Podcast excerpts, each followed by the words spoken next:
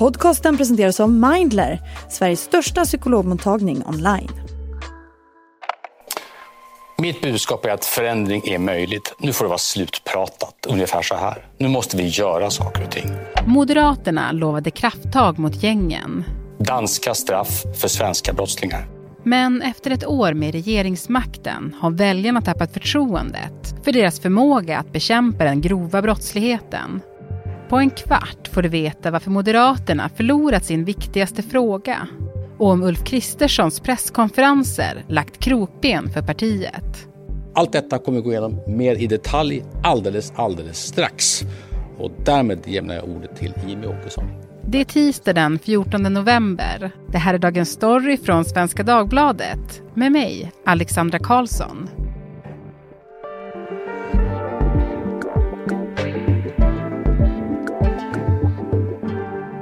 Gäst idag, Erik Hedtjärn, politikchef på SvD. Du Erik, det känns alltid väldigt tryggt när du kommer in för då har du också med det här stora häftet med massa klotter. Ja, men min anteckningsbok. Ja. Exakt, med mina pennor också. Mm, tre, tre pennor. Men du har skrivit upp lite stödord inför den här podden kanske? Absolut, jag har skrivit upp några siffror och namnet på vissa personer. Ja. Spänningshöjare, oj det kommer siffror, oj det kommer ett namn. Verkligen. Du, vi spelar in det här avsnittet på måndagen eh, och idag så toppar ju vi SvD sajt med en ny undersökning från Novus som visar att Moderaterna inte längre anses ha den bästa politiken i sin stora paradgren som ju är lag och ordning. Hur tungt är det här för dem?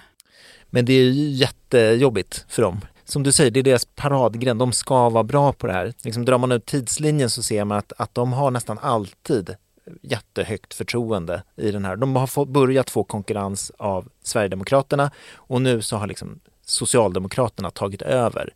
Det är ju superbesvärande för dem. Mm. Varför har det blivit så här då?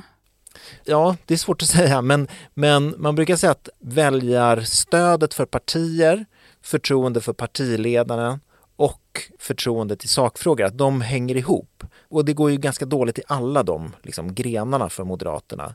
Om man tittar på just då lag och ordning så är det en sån analys som Torbjörn Sjöström har gjort på Novus, det är att regeringen, de har ju valt att fronta liksom kriget, eller vad man ska kalla det, mot eh, gängkriminaliteten själva som regering. Det är liksom regeringen som står på alla pressträffar och säger, eh, beskriver vilka lagförslag man tar fram och, och vilka åtgärder man gör för att knäcka gängen. Vi kommer förbättra åtgärderna när barn misstänks för brott. Det blir en lagrådsremiss som är steget till en proposition. Och vi kommer ha nya direktiv till en utredning för att ge större... Om man jämför då till exempel med hur det var under coronakrisen så var det ju Folkhälsomyndigheten, MSB och Socialstyrelsen som varje dag hade pressträffar. Men det är ju viktigt att komma ihåg att mycket av det vi hela tiden har försökt framföra i olika sammanhang gäller ju fortfarande. Det var inte liksom regeringen som skulle knäcka coronan. Försöka hålla igen på de man träffar, alltså umgås i den nära kretsen, hålla avstånd. Och komma ihåg att det här innebär inga ändringar när det gäller privata fester. Eh, så på ett sätt så kanske regeringen med sitt agerande har, eh, vad säger man, bundit ris för egen rygg. Att man har liksom exponerat sig för, eh, för den här, vad ska man säga, missförhållandet kvarstår ju. Och där står regeringen och är de som liksom är bärare av Eh, den förväntade förändringen. Mm, ja, men de som inte har löst det. Exakt. Blir det ju. Eh, med, med färre ord. Mm, ja, precis. Jättebra. Det är så man ska göra när man är journalist. Kort och koncist. Ja, precis. Eh, men vad sa du, bärande av ris på egen rygg? Binda ris för egen rygg. Man lägger krokben för sig själv, eller man har liksom skapat sitt, sitt eget problem. Mm. För, för på ett sätt så kan man ju säga att eh, under coronan, så det var ju så att menar, regeringen hade ju också pressträffar men man pekade väldigt mycket på myndigheterna. Det var myndigheterna som skulle lösa problemen. Eh, och det finns ju massa myndigheter som hela tiden arbetar med gängkriminaliteten. Så det mm. skulle ju kunna vara så att polisen hade dagliga pressträffar eh, och beskrev på vilket sätt man knäcker gängen. Mm. Eh, och, och, så är det inte. Och lite jag tror man har velat liksom ta ett grepp på situationen som regering. Eh, man har ju haft såna här träffar med rättsvårdande myndigheter uppe på liksom regeringskansliet regelbundet. Så man liksom har tolkat det där lite som att man är en sorts överrock för myndigheterna. Och, och möjligen så skulle det liksom kunna slå tillbaka.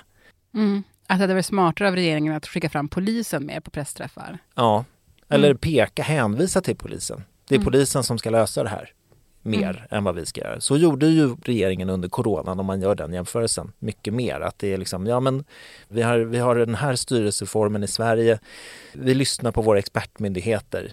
Det budskapet hörde man ju liksom till leda kanske eller så kändes det jättetryggt att höra det där hela tiden. Mm, man hörde det i alla fall, man hörde oavsett det. hur man tolkade det. Exakt. Men, men sen kan man ju också säga att den här regeringen har ju väldigt mycket sökt mandat på att man ska liksom fixa det här med lagordning.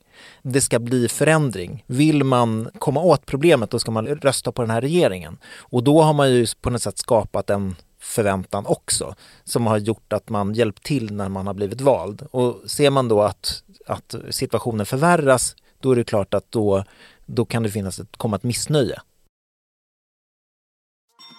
Vi kan krossa gängkriminaliteten, men det går inte om vi fortsätter så här i fyra år till. Vi ska släppa in er andra. Men och, och enligt den här eh, Novusundersökningen då, eh, så är det ju Socialdemokraterna som nu har mest förtroende i lag och ordning. Tagit över den från Moderaterna. Hur förvånad är du över det? Men lite förvånad, för man har ju sett under lång tid att Socialdemokraterna har följt efter Moderaterna och Moderaterna har följt efter Sverigedemokraterna mot liksom hårdare tag hela tiden. Och eh, man brukar säga så här, varför ska man rösta på kopian när man kan rösta på originalet? Och då i det här fallet så skulle man ju kunna se Socialdemokraterna som kopian när det gäller hårdare tag. Sen kan det ju vara så att, eh, att det finns en sån här Eh, jag menar, Socialdemokraterna har ju betonat mer förebyggande än vad Moderaterna har gjort och definitivt mer än vad Sverigedemokraterna har gjort som är liksom emot förebyggande. Så kanske att det är så att det budskapet liksom hittar hem hos väljarna nu när man har sett ganska mycket hårdare tag förslag att eh, den här liksom mixen inom citationstecken den kanske är attraktiv för en större grupp väljare. Eller så är man bara missnöjd. Mm, och så är liksom de störst. det största alternativet. Precis, det, det, vet vi inte. Men jag tänkte på att i den här eh, Novusundersökningen så är det också så att Sverigedemokraterna också tappar när det gäller lag och ordning. Ja, eh, de är ju liksom speciella för att de kan ju alltid gå längre än, äh, än alla andra. Och Eh, vi har ju sett det förra veckan, eller om det var för, förra veckan, så, så var Jimmy Åkesson ute och, och hade, alltså han kan nästan improvisera fram jätte jättehårda förslag mm. som inte är förankrade i partiet, som inte är liksom utredda, som, som det här med liksom att man ska kunna frihetsberöva människor utan att det finns en brottsmisstanke eller att man ska ha livstidsstraff för 13-åringar. Alltså sådana här, men som är otroligt liksom långtgående. Eh, otroligt långtgående. Liksom, det, går, det går liksom inte att, att matcha eh, dem riktigt i dels hur de ser ut, alltså hur, hur hur man behöver liksom bottna ett förslag innan man lägger det för att det kan gå så otroligt fort när det gäller eh, Sverigedemokraterna och Jimmie Åkesson framförallt då som själv kan liksom lyfta fram någonting som man tycker är, är intressant eller bra. Men ja, möjligen så finns det någon sorts liksom eh, bortre gräns där väljarna inte eh, liksom längre uppskattar det sättet att lägga fram förslag på eller, eller den sortens politik. Utan ja men okej, nu har, vi, nu har vi gått ganska långt dit, nu prövar vi det andra. Så det är ju någonting som har hänt. Så kan man ju säga. Mm. Det är en rörelse i alla fall. Ja, och för Moderaterna så innebär ju det här tappet i lagordning också att man inte längre anses vara bäst i någon av väljarnas tio viktigaste frågor. Och det är ju anmärkningsvärt. Om det är något som man liksom pratar om vid kaffeautomaterna så är det, så är det nog det. Man har statsministerposten men man har inte någon av de här sakägarskapet som ju liksom brukar värderas ganska högt ändå. Mm. Eh, det spelar roll. Och sakägarskap, om man inte håller på med statsvetenskap, det är det som att man anses vara bäst på någonting. Exakt, man är bäst på den här sakfrågan. Mm. Och eh, det finns ju liksom mer eller mindre viktiga sådana. Så till exempel Miljöpartiet, de har ju sakägarskap i två, eh, miljö och klimat. Men de har ju fortfarande väldigt få väljare. Mm. Och det har ju att göra med att väljarna tycker inte att, det, att liksom klimatförändring kan vara viktig men det är inte i Sverige som, den, som man löser den utan det är någon annanstans. Så då be- betalar sig inte sakägarskapet så stort men i sådana frågor som lag och ordning och landets ekonomi det, det, det är liksom viktigt för väljarna när man röstar på ett annat sätt. Mm. Det gör ont, tror jag, i moderater att inte ha dem. Mm.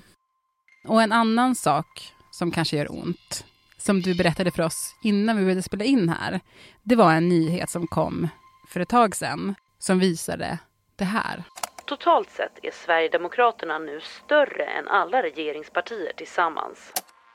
Ja, det var en opinionsundersökning som Indikator Opinion gjorde för Ekot. Och man kan säga så här, de är nya på att göra väljarbarometrar så att, och, och de, de är de enda som har fått det här resultatet. Men det är ändå uppseendeväckande eh, siffror som de har fått eh, och de har skakat om. Ja, att det är Sverigedemokraterna som är det stora högerpartiet och inte längre Moderaterna. Exakt. Det är ju ett liksom stort skifte om det stämmer. Det är en opinionsmätning men stämmer den då är det någonting betydande som har hänt. Ungefär som när Moderaterna blev det stora högerpartiet. Innan det hade det varit Folkpartiet och Centerpartiet. Eller när, för ännu längre tid tillbaka, när, när högerpartiet förlorade den till Folkpartiet. Det vi ser nu, det kanske är det här skiftet som har ägt rum och som egentligen kanske hände för ett tag sedan. Men det är nu som liksom poletten trillade ner och det då isade till i magen hos en del, Mm. framförallt moderater. Men samtidigt tänker jag, om man tar regeringen som helhet, så är det väl inte så dåliga nyheter. Jag menar, SD är ju en del av regeringsunderlaget. Ja, absolut. Sen så tror jag att det har funnits en föreställning i borgerligheten att om de tar in Sverigedemokraterna i sitt regeringsunderlag, alltså att de blir en del av regeringsmakten, då tvingas de ta ansvar och tar de ansvar då kan man inte bara göra så här som jag beskrev att Jimmy Åkesson kan göra, att man kan liksom hitta på, på väldigt kort tid så kan man kasta ur sig ett förslag som inte är liksom berett så som det brukar vara i partier. Utan man är tvungen att liksom eh, stå för det man tycker. Och då skulle det leda till att liksom opinions, eh, opinionen trycks tillbaka, sympatierna sjunker lite. Det där verkar man ju inte ha sett än i alla fall. Eh, det här Tidösamarbetet, det har framför allt har det ju missgynnat småpartierna. I viss mån, ja, jag tror Moderaterna, de har ju liksom okej siffror. De har inte så här skräcksiffror som eh, KD och L har, som är långt under spärren. Men Sverigedemokraterna, de, de missgynnas absolut inte. Det går, ju, det går ju bra för dem. Ryan Reynolds here from Mint Mobile. With the price of just about everything going up during inflation, we thought we'd bring our prices down. So to help us, we brought in a reverse auctioneer, which is apparently a thing. Mint Mobile unlimited premium wireless. Ready to get 30, 30, bit to get 30, bit to get 20, 20, 20, bit to get 20, 20, bit to get 15, 15, 15, 15 just 15 bucks a month. So, Give it a try at mintmobile.com slash switch. $45 upfront for three months plus taxes and fees. Promo rate for new customers for limited time. Unlimited more than 40 gigabytes per month. Slows. Full terms at mintmobile.com. Till sist, Erik, jag menar, det här mm, som vi har pratat om idag är ju ändå ganska nedslående för Moderaterna. Hur kommer de agera nu framåt?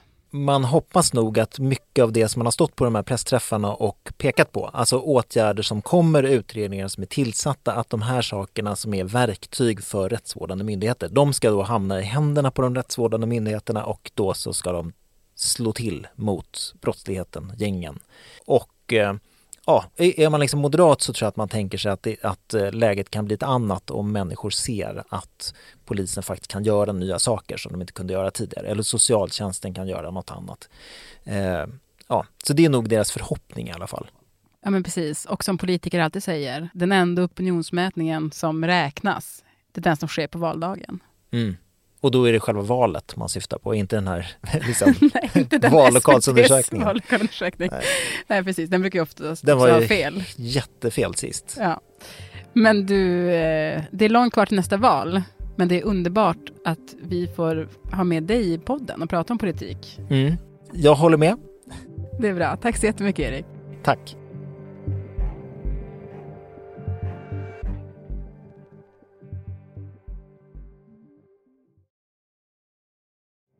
Producent idag var Moa Larsson, redaktör Maxim Persdotter Wallström och klippen i programmet kom från TV4, SVT och Sveriges Radio.